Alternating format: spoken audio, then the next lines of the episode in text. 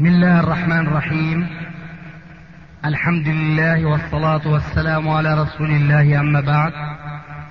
فهذا أحد أشرطة سلسلة الهدى والنور من الدروس العلمية والفتاوى الشرعية لشيخنا المحدث العلامة محمد ناصر الدين الألباني حفظه الله ونفع به الجميع.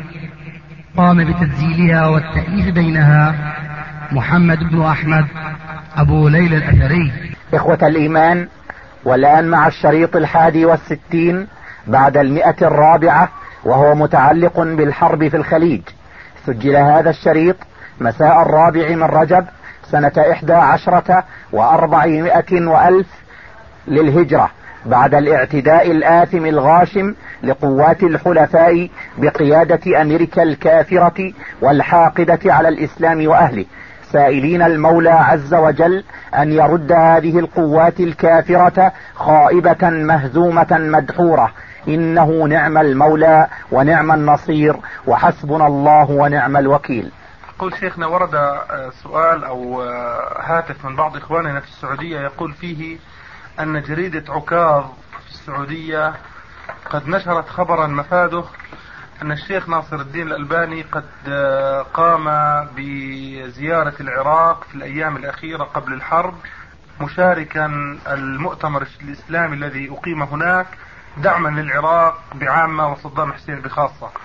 وإن كنا نعرف بطلان هذا الكلام لصلتنا بكم وقربنا منكم واطلاعنا على كثير من الأحوال آه، يعني حولكم لكن نريد يعني أيضا كلمة وتعليقا طيبا لعلنا نستطيع أن ننشره هناك أو نرسل الشريط لبعض الإخوة هناك لندرأ هذه الفرية التي ألصقت بكم بغير حق. وجزاكم الله خيرا. وقبل الإجابة عن هذا السؤال كنت أود أن تضيف إلى كلامك فتقول ومن جملة ما نعلم أنك لم تفارقنا كل هذه الأيام وما قبلها إلى هذه الساعة. جزاك الله خير. قلتها عني يا شيخنا. الله خلص ما صرفناها إلا إذا كنت من أهل الخطوة ولا لا نؤمن بها لغيرنا حتى نؤمن بها لأنفسنا. معلقة عسل قبل ما تحكي. بسم الله. جوابا عن هذا السؤال أقول إن الحمد لله نحمده ونستعينه ونستغفره ونعوذ بالله من شرور أنفسنا ومن سيئات أعمالنا. من يهدي الله فلا مضل له ومن يضلل فلا هادي له. وأشهد أن لا إله إلا الله وحده لا شريك له. وأشهد أن محمدا عبده ورسوله. يؤسفني جدا أن يقع الإعلام الإسلامي في تقليد للكفار حتى في الإعلام. فإن الكفار لا يصدقون فيما ينشرونه من الأخبار وبخاصة إذا كانت هذه الأخبار تحقق لهم مصلحة سياسية.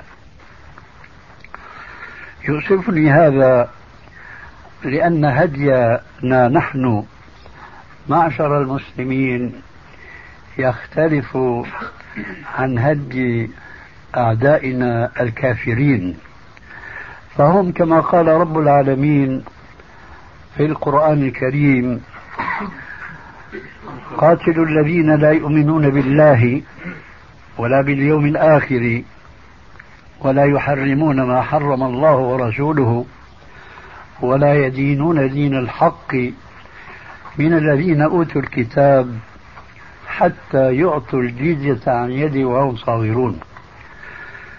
الشاهد من هذه العبارة ليس هو لفت نظر الدول الإسلامية كلها إلى أنهم مخالفون لهذه الآية في أهم مواضعها وهي مقاتلة هؤلاء الكفار الذين لا يحرمون ما حرم الله ورسوله.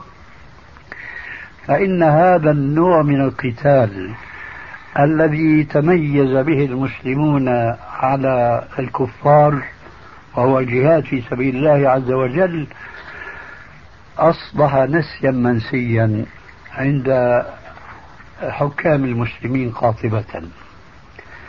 فربنا يقول قاتلوا الذين لا يؤمنون بالله واليوم الآخر فنحن لا نقاتل هؤلاء الذين لا يؤمنون بالله ولا باليوم الآخر ولا ولا يحرمون ما حرم الله ورسوله بل نحن نناصرهم وننتصر بهم ونقلدهم في كل ما يفعلون. ومن ذلك ولا أريد أن أبعد كثيرا عن موضوع السؤال فمما نقلدهم فيه عدم تتبع الأخبار الصادقة وعدم التحري فيما يبلغنا من الأخبار لأننا بعدنا عن ديننا.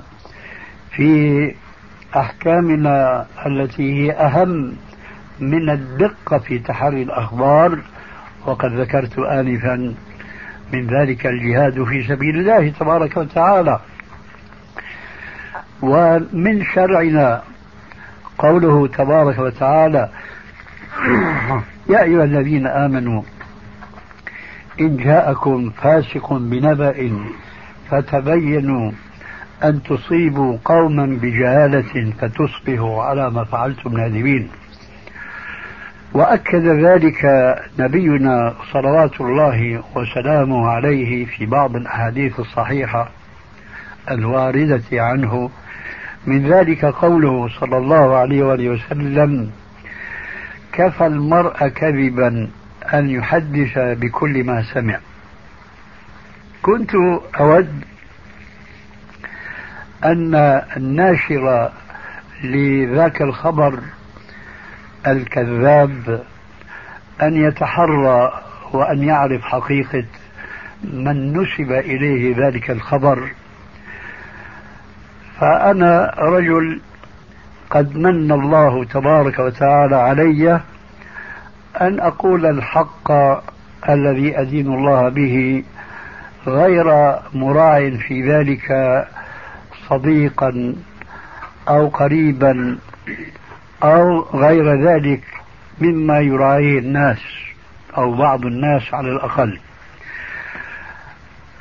لو أن الدولة السعودية التي تجمعنا معهم على أقل عقيدة التوحيد دعتني للحضور إلى ذاك المؤتمر الذي أقيم مقابل المؤتمر الذي أقامه العراقيون لو أن الدولة السعودية دعتني إلى مؤتمرهم لما حضرته فضلا عن أحضر مؤتمر العراقيين الذين لا نلتقي مع دولتهم في أعز العقيدة كما نحن نلتقي مع الدولة السعودية.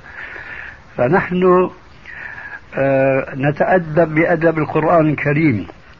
كما قال عز وجل ولا يجرمنكم شنان قوم على ألا تعدلوا اعدلوا هو أقرب للتقوى.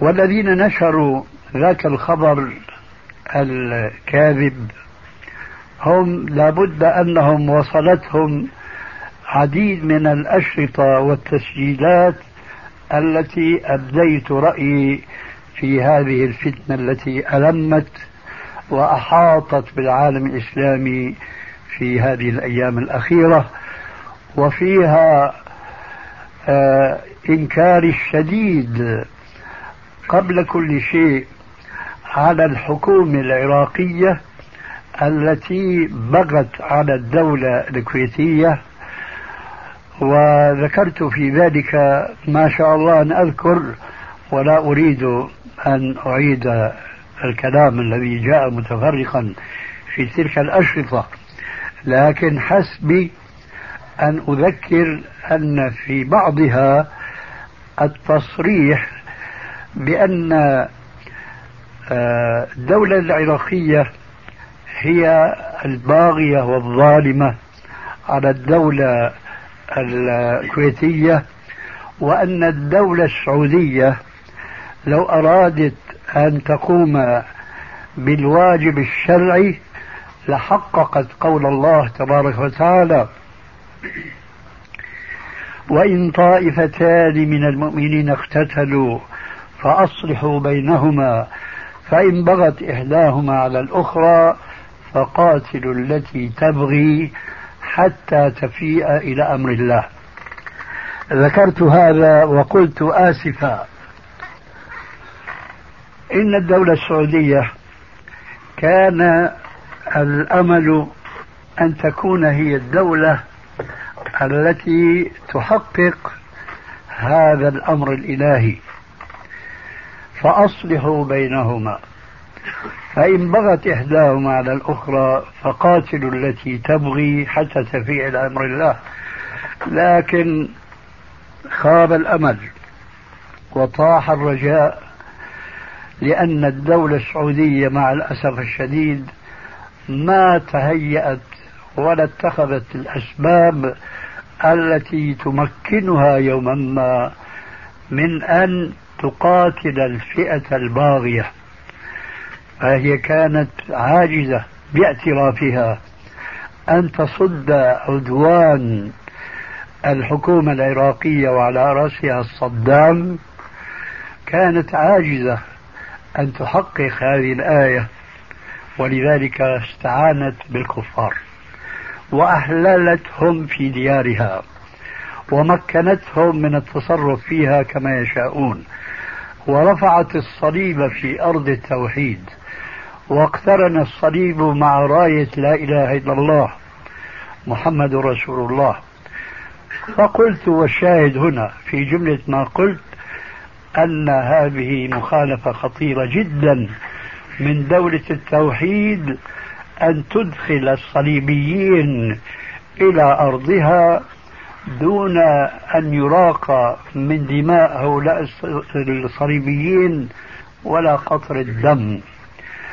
هذه خطيرة وعظيمة جدا من دولة التوحيد يكفي أن نفهم أنها أولا خالفت نصا صريحا من قوله عليه السلام إنا لا نستعين وفي رواية مسلم لن نستعين بمشرك وثانيا خالفت الواقع الذي يشهده كل مسلم لا فرق بين حاكم ومحكوم ولا فرق بين عالم ومتعلم.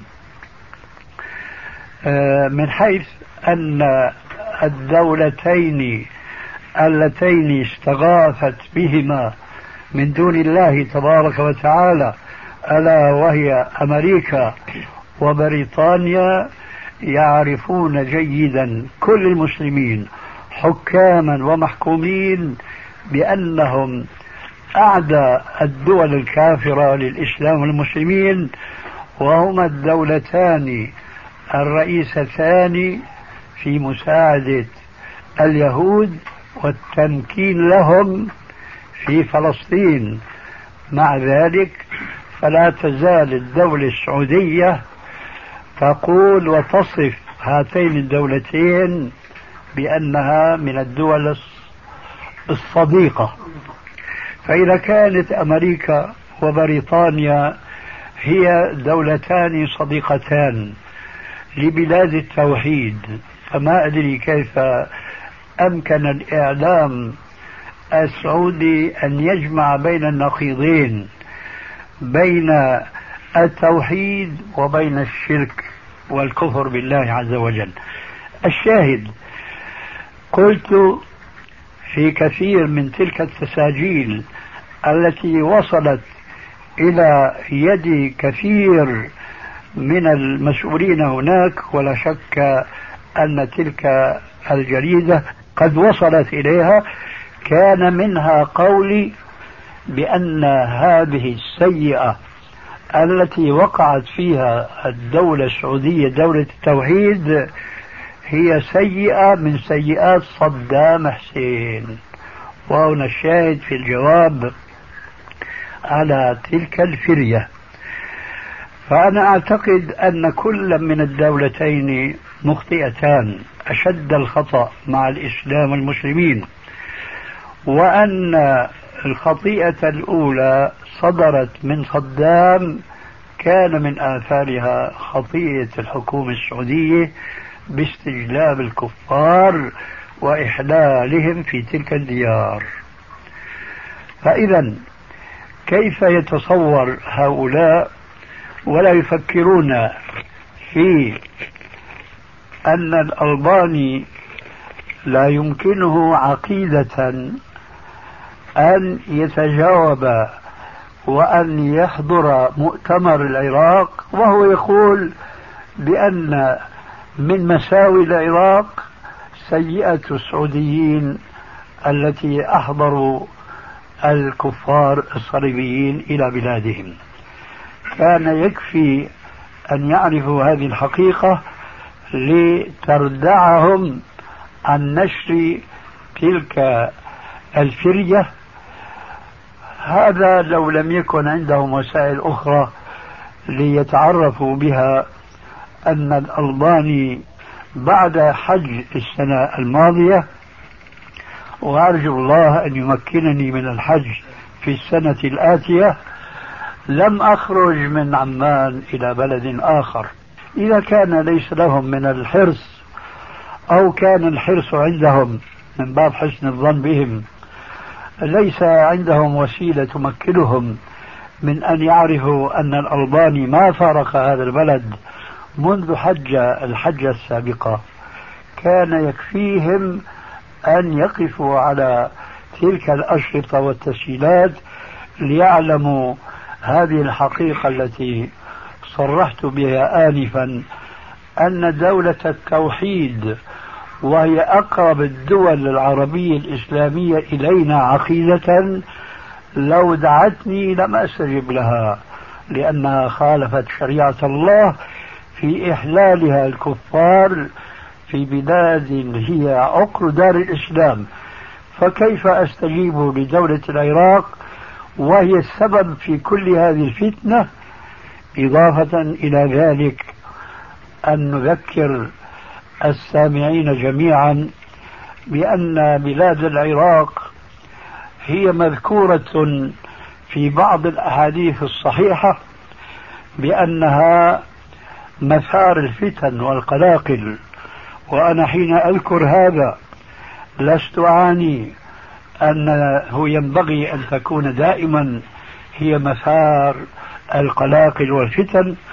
فقد يوجد فيها العلم وقد كانت كما يقال سنين طويلة مثابة للعلم وطلاب العلم في عهد العباسيين وبعض العصر الأمويين ولكن الفتنة الآن قد ذرت قرنها حينما بدأ صدام باستيلاء على الكويت ثم لم تستطع مع الأسف الشديد دولة التوحيد فضلا عن الدول الإسلامية الأخرى أن تردع هذا الظلم وأن ترفعه عن المظلومين الكويتيين إلا بالاستعانة بالكفار والمشركين. ثم كان من نتيجة ذلك مساوي ومساوي خطيرة وخطيرة جدا. التي منها ما نشهده الآن من طغيان الكفار. الأمريكيين والبريطانيين على المسلمين العراقيين بكل وسائل التدمير كما أصبح ذلك معلوما لدى عامة البشر سواء كانوا مسلمين أو كفارا فالان تشارك السعودية في ضرب المسلمين في العراق بالقنابل المدمرة. تتعاون مع الأمريكان اليهود واليهود الذين استولوا على فلسطين بمساعدة البريطانيين والأمريكيين. أصبح من آثار استجلاب الكفار إلى بلاد السعودية أن يقاتل السعوديون معهم المسلمين. وهذه يعني مصيبة الدهر لا يمكن أن يتصورها مسلم. علما أننا كنا نسمع دائما وأبدا قبل أن تحل هذه الفتنة في بلاد التوحيد نسمع منها تذكيرا ببعض الأحكام الإسلامية.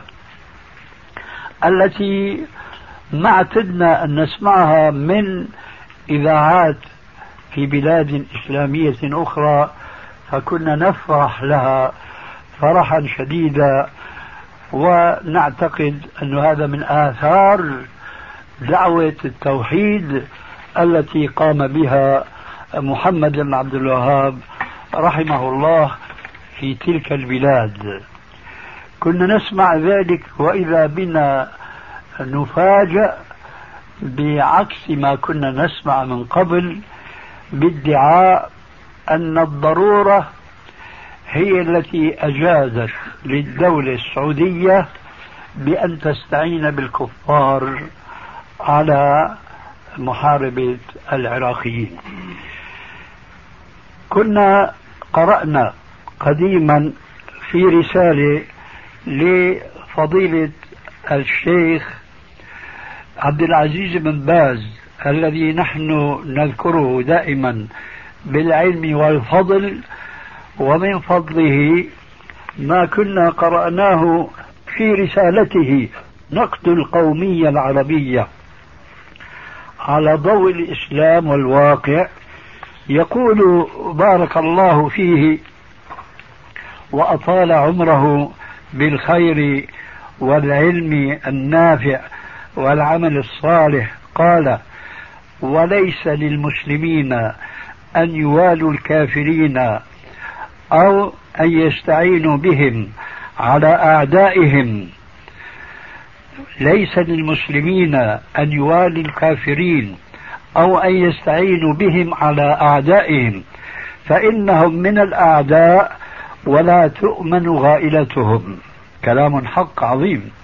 وقد حرم الله موالاتهم ونهى عن اتخاذهم بطانة وحكم على من تولاهم بأنه منهم وأخبر أن الجميع من الظالمين كما سبق ذلك في الآيات المحكمات وثبت في صحيح مسلم عن عائشة رضي الله عنها قالت خرج رسول الله صلى الله عليه وآله وسلم قبل بدر فلما كان بحرة الوبرة أدركه رجل قد كان يذكر منه جرأة ونجدة.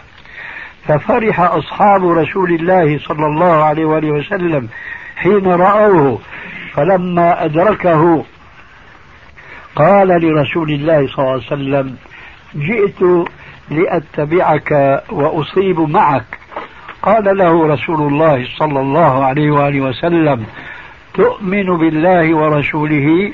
قال لا. قال فارجع فلن لن أستعين بمشرك. قالت ثم مضى حتى إذا كنا بالشجرة.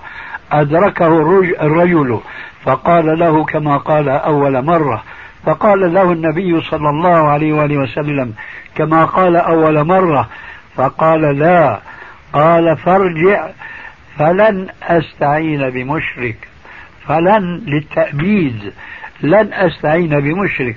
قالت ثم رجع فأدركه في البيداء فقال له كما قال أول مرة تؤمن بالله ورسوله؟ قال نعم. فقال له رسول الله صلى الله عليه وآله وسلم فانطلق. قال الشيخ بارك الله فيه تعليقا على هذا الحديث الصحيح فهذا الحديث الجديد يرشدك إلى ترك الاستعانة بالمشركين ويدل على أنه لا ينبغي للمسلمين أن يدخلوا في جيشهم غيرهم.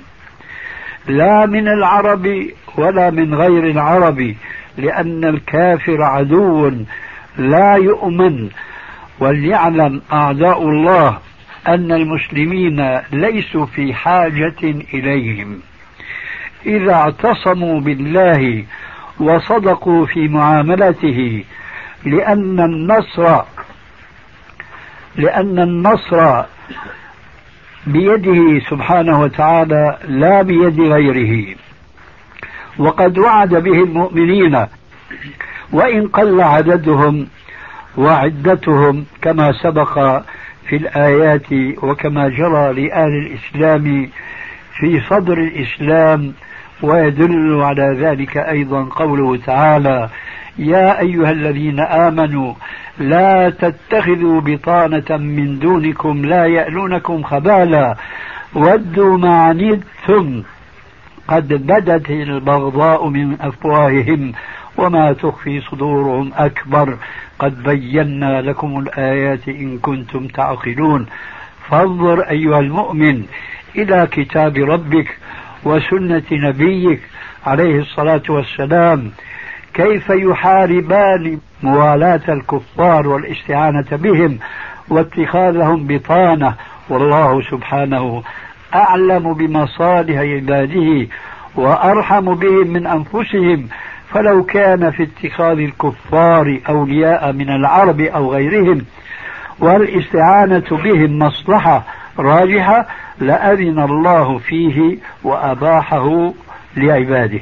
ولكن لما علم الله ما في ذلك من المفسدة الكبرى والعواقب الوخيمة نهى عنه وذم من يفعله وأخبر في آيات أخرى أن طاعة الكفار وخروجهم في جيش المسلمين يضرهم ولا يزيدهم ذلك إلا خبالا. كما قال تعالى يا أيها الذين آمنوا إن تطيعوا الذين كفروا يردوكم على أعقابكم فتنقلبوا خاسرين. بل الله مولاكم وهو خير الناصرين. وقال تعالى لو خرجوا فيكم ما زادوكم إلا خبالا.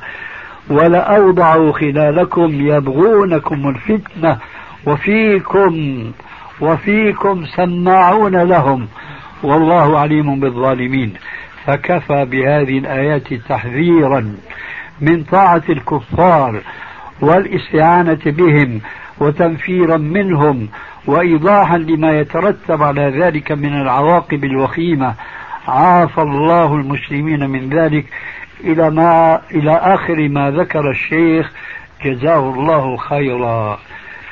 لقد كنت أود انتهى كلام فضيل الشيخ بن باز. جزاه الله خيرا على هذه النصيحة.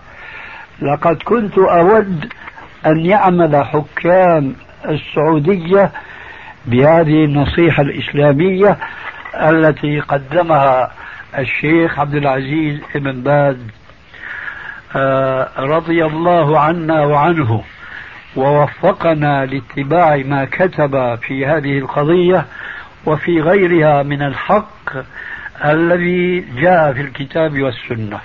ولو أننا أمعنا النظر في كلمة الشيخ بارك الله فيه لخرجنا بنتيجة خطيرة جدا وهي إما أن يكون الذين استعانوا أنا الآن لا أقول شيئا من عندي وإنما أعيد كلام الشيخ بن باز على أهل بلده وحكام بلده. إما أن يكون الذين استعانوا بالكفار ليسوا مسلمين وإما أن يكون المستعان بهم هم من المسلمين. هذا خلاصة ما يمكن أن يؤخذ من هذا البيان القويم. وبهذا القدر كفاية ليعلم إخواننا الذين يريدون أن يعرفوا الحق في بلاد ما بين عشية وضحاها بسبب تورط بعض الحكام المسلمين واتباعهم لبعض السياسات التي أقل ما يقال فيها إنها مخالفة للشرع. وأنا أعتقد وأقول بكل صراحة والعاقبة للمتقين والدائرة على الظالمين. لو أن الحكومة السعودية قبل أن تقدم على الاستعانة بهؤلاء الكفار إن كانوا استعانوا كما يصرحون. أما إن كان فرض ذلك عليهم فهذه مصيبة أخرى. أن يكون الأمريكيون والبريطانيون فرضوا عليهم النزول في أرضهم شاءوا أم أبوا كما يشيع ذلك بعض الناس. ونحن لا نعلم ولا نتمكن من أن نصل إلى قلوب الحكام هناك ومن فمهم ندينهم. هم يقولون أنهم استعانوا بهؤلاء أي كان في إرادتهم أن لا يستعينوا. ولم يفرض نزولهم في بلدهم رغم أنوفهم وإنما هم استعانوا بهؤلاء الكفار بمحض اختيارهم وإرادتهم.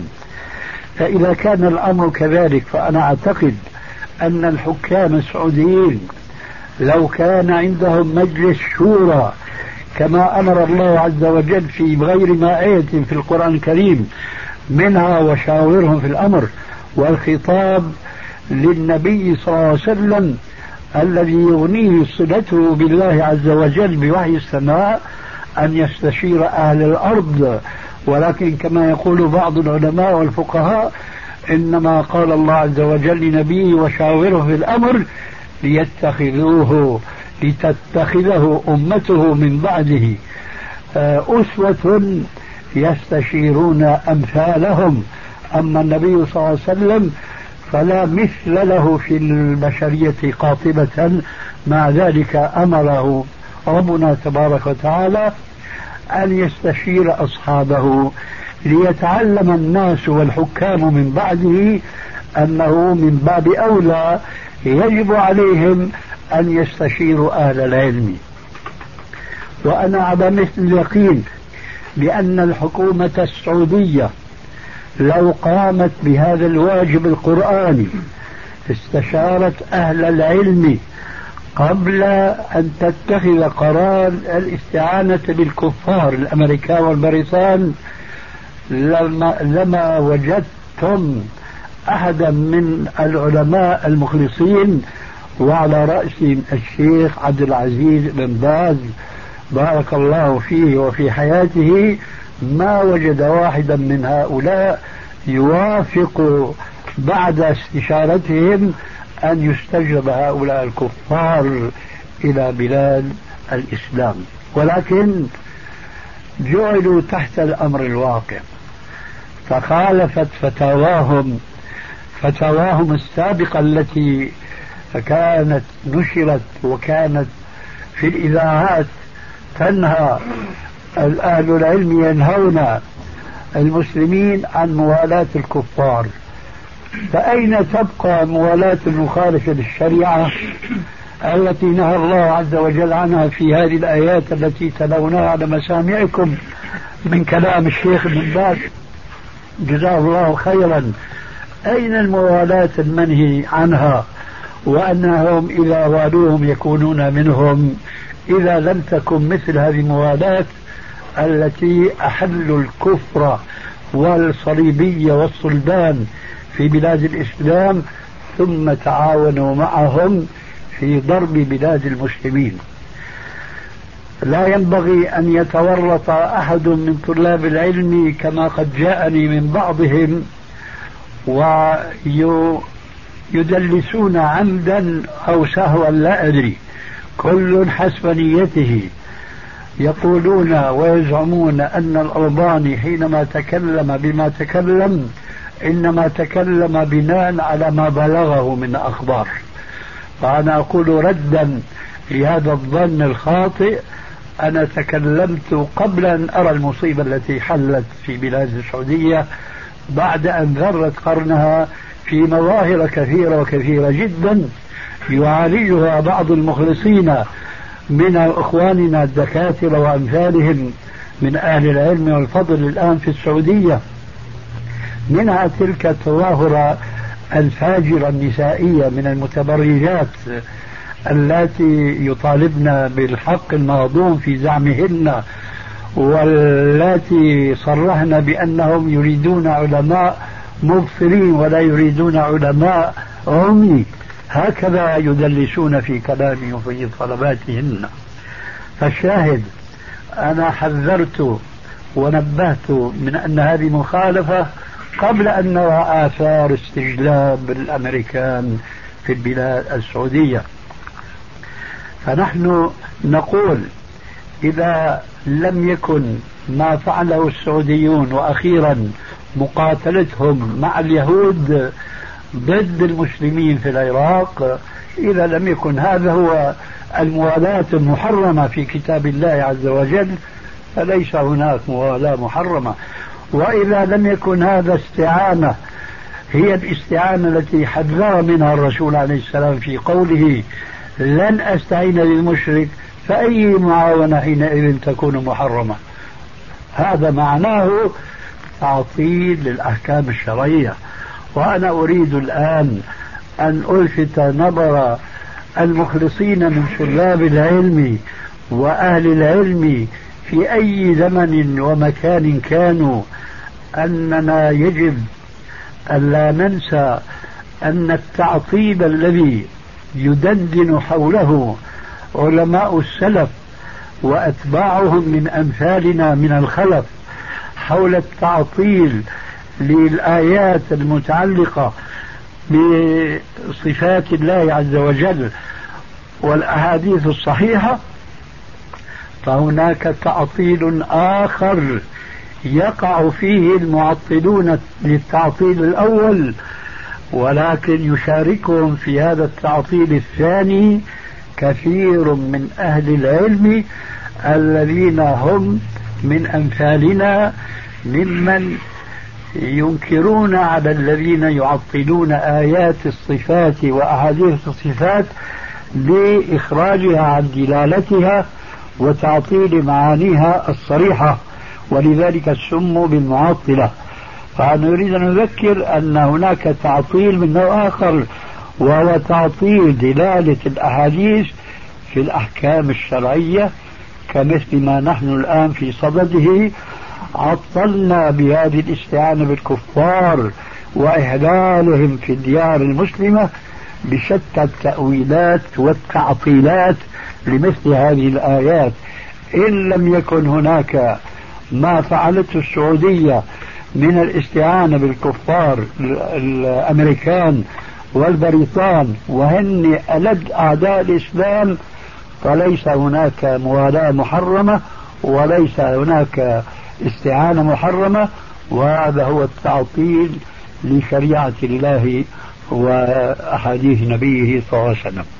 وقبل أن أنهي أريد أن أذكر بشيء آخر وهو أننا نعلم أن الحكومة السعودية في قوانينها وفي تصرفاتها عامة أحكامها مستنبطة من المذهب الحنبلي مذهب إمام السنة الذي نتشرف نحن بالانتماء إلى مشربه ولا أقول مذهبه إلى منهجه ولا أقول تقليده.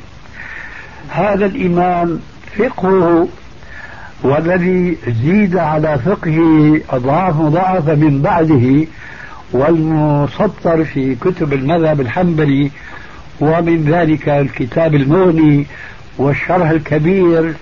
هذه الكتب هي عمدة الفتاوى الأحكام التي عليها قامت أحكام الدولة السعودية.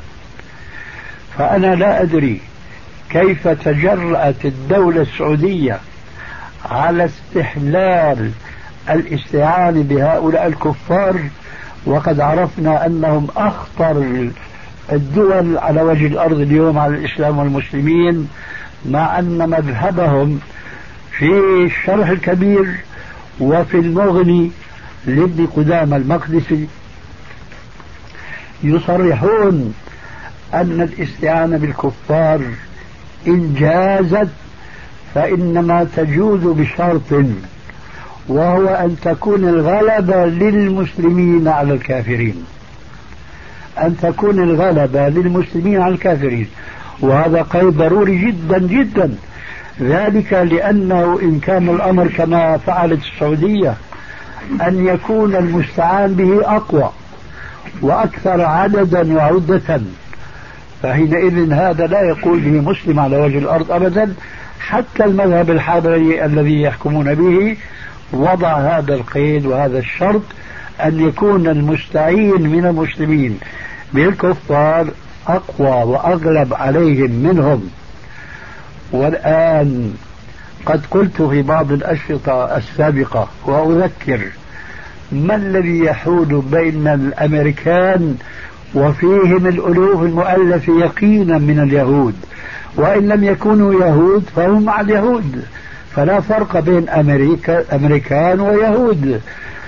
وها هم نحن الآن نسمع كيف يمدونهم تباعا بالصواريخ المدمرة ونحوها. لو أراد هؤلاء اليهود فقولوا اليهود أو الأمريكان ألفاظ متعددة تؤدي إلى حقيقة مرة واحدة وهي أنهم لا يريدون الإسلام إلا خبالة كما جاء في الآيات التي ذكرها آه، الشيخ بن باز جزاه الله خيرا. لو أراد هؤلاء اليهود أو هؤلاء الأمريكان أن يحتلوا خيبر هل باستطاعة السعودية أن يصدوهم وأن يردوهم على أعقابهم خائبين؟ لا. هنا يظهر السر والحكمة البالغة التي وضعها علماء الفقه الحنبلي الذي يستندون إليه في أحكامهم حين قالوا بشرط أن تكون الغلبة للمسلمين. الآن الغلبة للكافرين. وأكبر دليل على ذلك ما كانت الإذاعات العالمية كلها أشاعت بأن السعودية اتفقت مع قائد الجيش الأمريكي أن تكون القيادة بيد قائد الجيش الأمريكي. فإذا السعوديون الآن هم مأمورون من القيادة الأمريكية. إذا قيل للطيارين السعوديين اضربوا العراق وهم يتفرجون فما عليهم إلا أن ينفذوا الأمر. أين هذا الواقع المؤلم من قول الله عز وجل ولن يجعل الله للكافرين على المؤمنين سبيلا. فنسأل الله تبارك وتعالى أن يكشف هذا الهم وهذا الغم الذي أصاب المسلمين ولن يكون ذلك أبدا لأن سنة الله لن تتغير إلا إذا رجع المسلمون حكاما ومحكومين إلى دينهم. يرحمك الله. وذلك من معاني قوله تبارك وتعالى إن الله لا يغير ما بقوم حتى يغيروا ما بأنفسهم. وصلى الله على محمد وعلى آله وصحبه وسلم تسليما كثيرا طبعا أمريكا وبريطانيا وفرنسا نعرف من خلال الكتاب والسنة بعداوتهم. آه، ما يود الذين كفروا من أهل الكتاب أن ينزل عليكم من خير من ربكم ولا يزالون يقاتلونكم حتى يردوكم عن دينكم إن استطاعوا. إيه. آه إلى غير الآيات التي جاءت فيهم وهم هؤلاء. آه والآن هم يرمون بكل ما يملكون ليس من أجل تحرير الكويت كما يتبين الآن الحمولة التي ترمى على العراق. الله. وربما طبعا نزلت على مساجد وعلى أناس يصلون. ونقول بأن الحكم في العراق ليس حكم إسلامي لكن الدولة دولة إسلامية. فالذي يفعلونه الآن طبعا نحن من شعورنا وقلوبنا لا نرضى بما يفعلوه هذا ونتمنى طبعا آه، إن الله سبحانه وتعالى يخزيهم وينصر آه، شعب العراق وجيش العراق عليهم وإن كان طبعا الحكم ليس إسلامي لكن هذا شعورنا آه، ذكرت العلم القليل لما كان المؤمنين يفرحوا بغلبة الروم على الفرس أيوة. أن الفرس أهل وثنية فكان المشركين يحبون أن يغلب الفرس والمؤمنون كانوا يحبون أن يغلب الروم لأنه أهل كتاب فالآن يعني شعب العراق وجيش العراق وأطفال العراق ونساء العراق ما زالوا دولة إسلامية وإن كان الحكم يعني ما هو عليه. لكن شعورنا من الداخل نتمنى أن ينهزم الكفار ويكون النصر لشعب العراق. العراقي نعم. وإذا دعونا في قنوتنا في الصلاة هذا بكون من قلبنا فلا ندري هذا الشعور في الداخل نؤاخذ عليه أم فيه إثم أم فيه انحراف عن العقيدة. فنورنا بارك الله فيك. بارك فيك.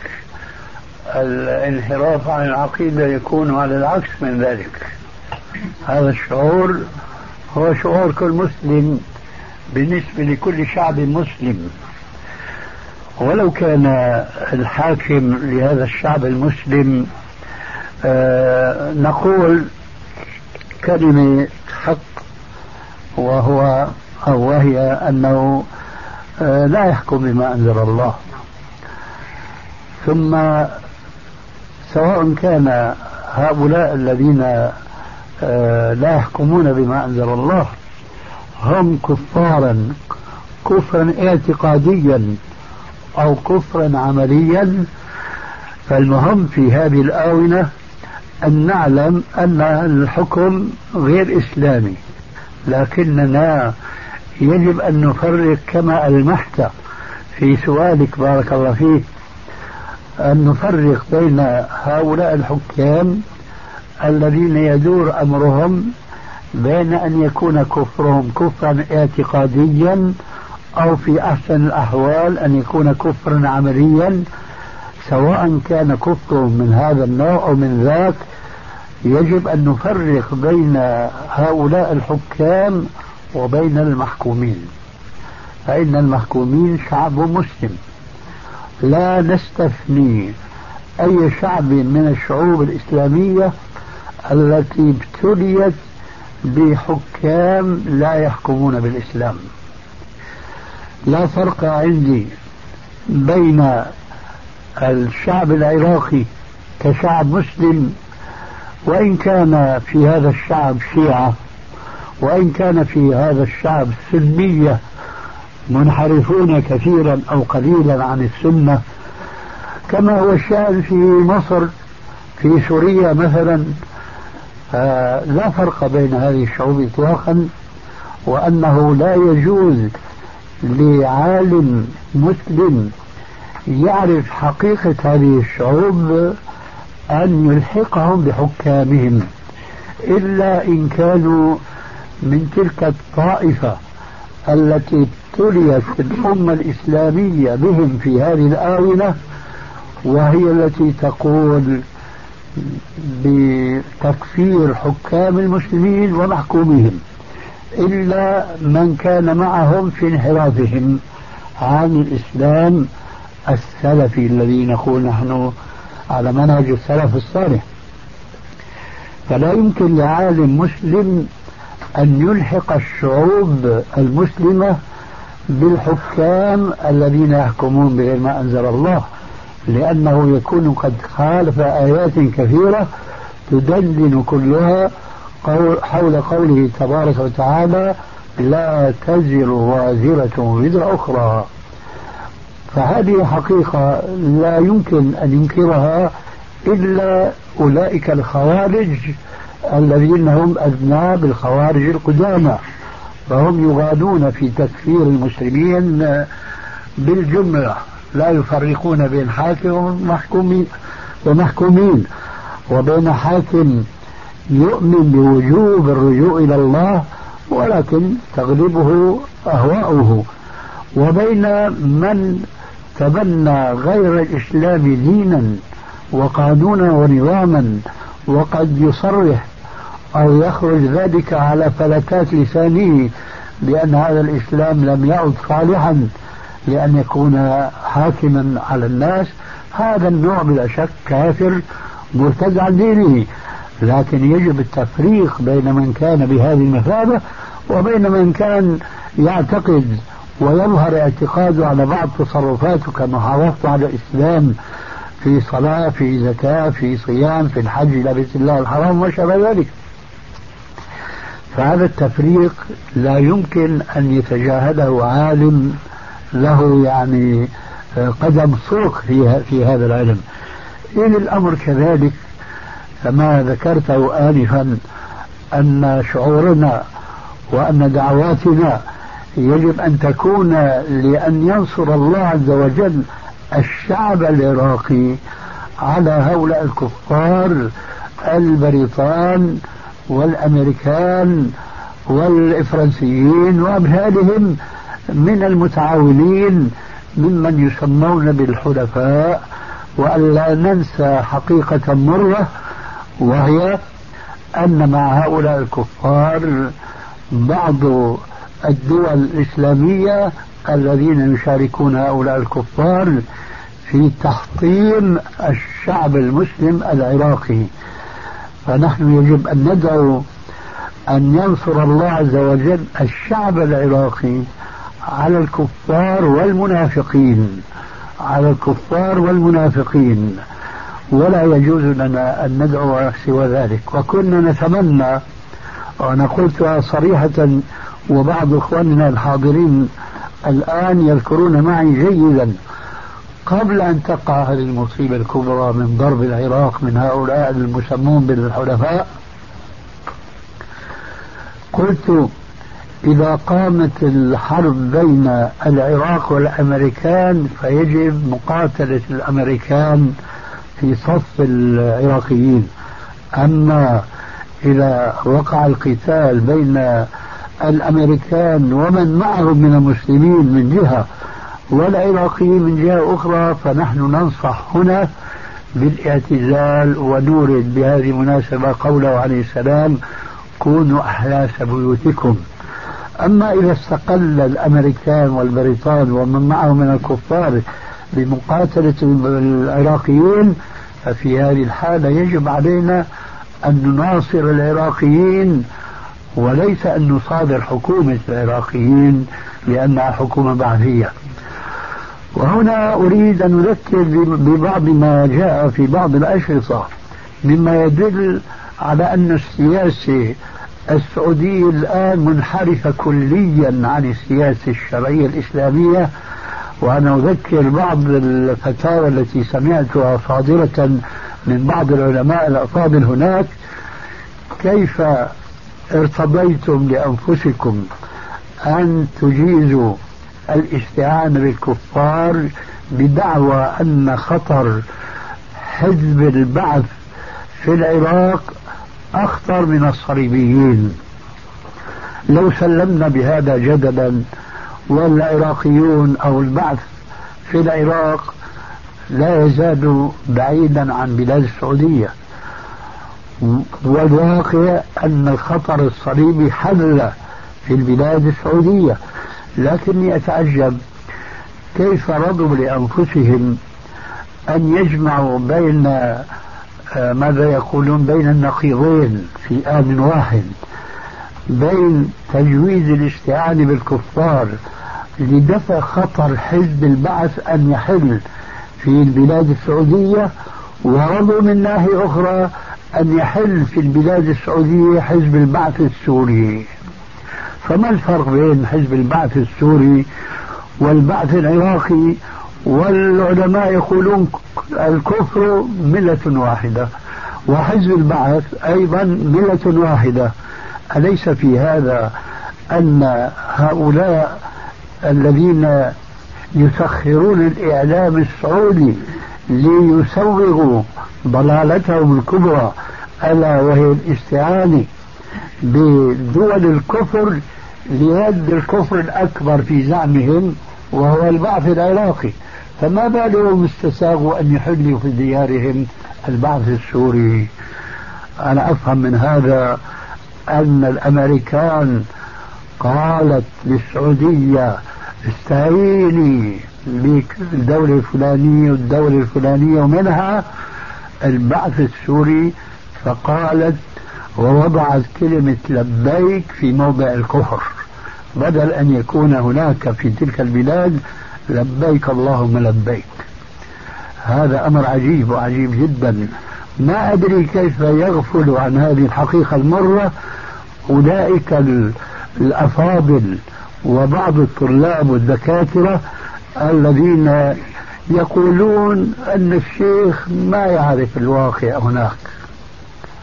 طيب أنتم عرفتم الواقع. هل عرفتم أن البعث السوري نزل أرضكم أم لا؟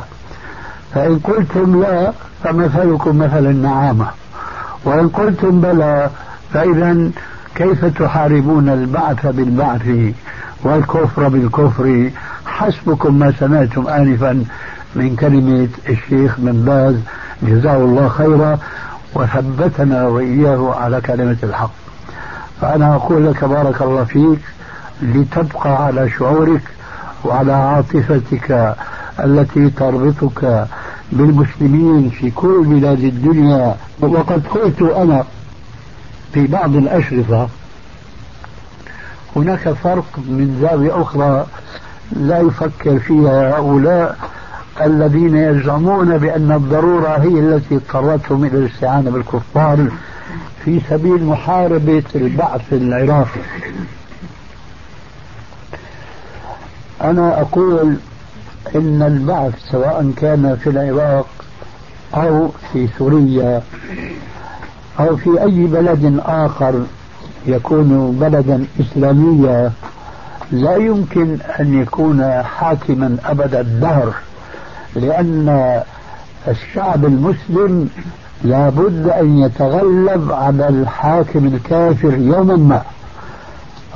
لكن الأمريكان حكومة وشعبا هو كافر.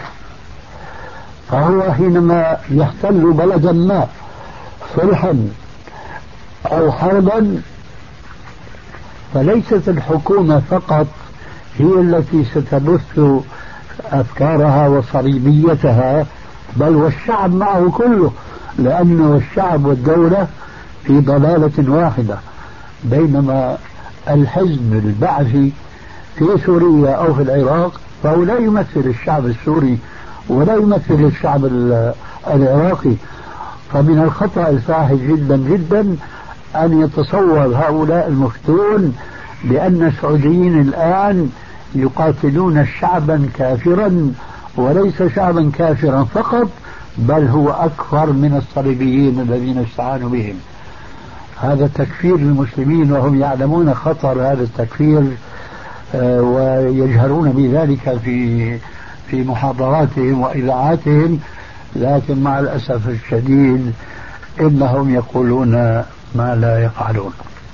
أو أساءوا تطبيق ما يقولون. فلم يفرقوا بين الحاكم والمحكوم. نحن نعلم يقينا أن الحاكم السعودي غير المحكومين. مهما قلنا أن الحاكم السعودي خير من حكام المسلمين لكن مع ذلك له بعض الانحرافات لا يمكن لأحد أن ينكرها. هل هناك مسلم موحد على وجه الأرض وبخاصة أرض التوحيد هل فيهم من ينكر من أهل العلم والفضل أن انتشار الصور للملوك السعوديين ووضعها في صدور المجالس أن هذا ينافي التوحيد؟ هل تصورون وجود أحد يخالف في هذا هناك؟ نتصور وجود مثل هؤلاء المجيزين لتعليق الصور في بلاد السورية والمصرية ونحوها. أما علماء سعوديين نشأوا على التوحيد وربوا على التوحيد هم ولا شك في قرارة نفوسهم ينكرون مظاهر شركية تبدأ الدولة السعودية الآن بنشرها بين الشعوب كلها فضلا عن الشعب السعودي. فهذه مخالفة هذه مخالفة لكنهم ينكرونها على الأقل بقلوبهم على المرتبة الثالثة التي لا ذرة إيمان بعدها كما هو في الحديث الصحيح. إخوة الإيمان تتمة الكلام في الشريط التالي.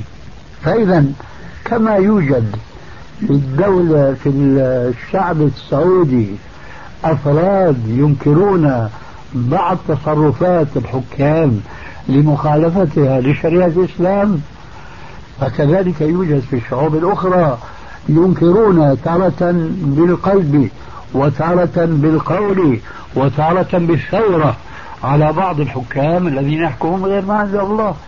فكيف يجوز أن نلحقهم بحكوماتهم ونطلق لفظة الكفر عليهم وأن نورد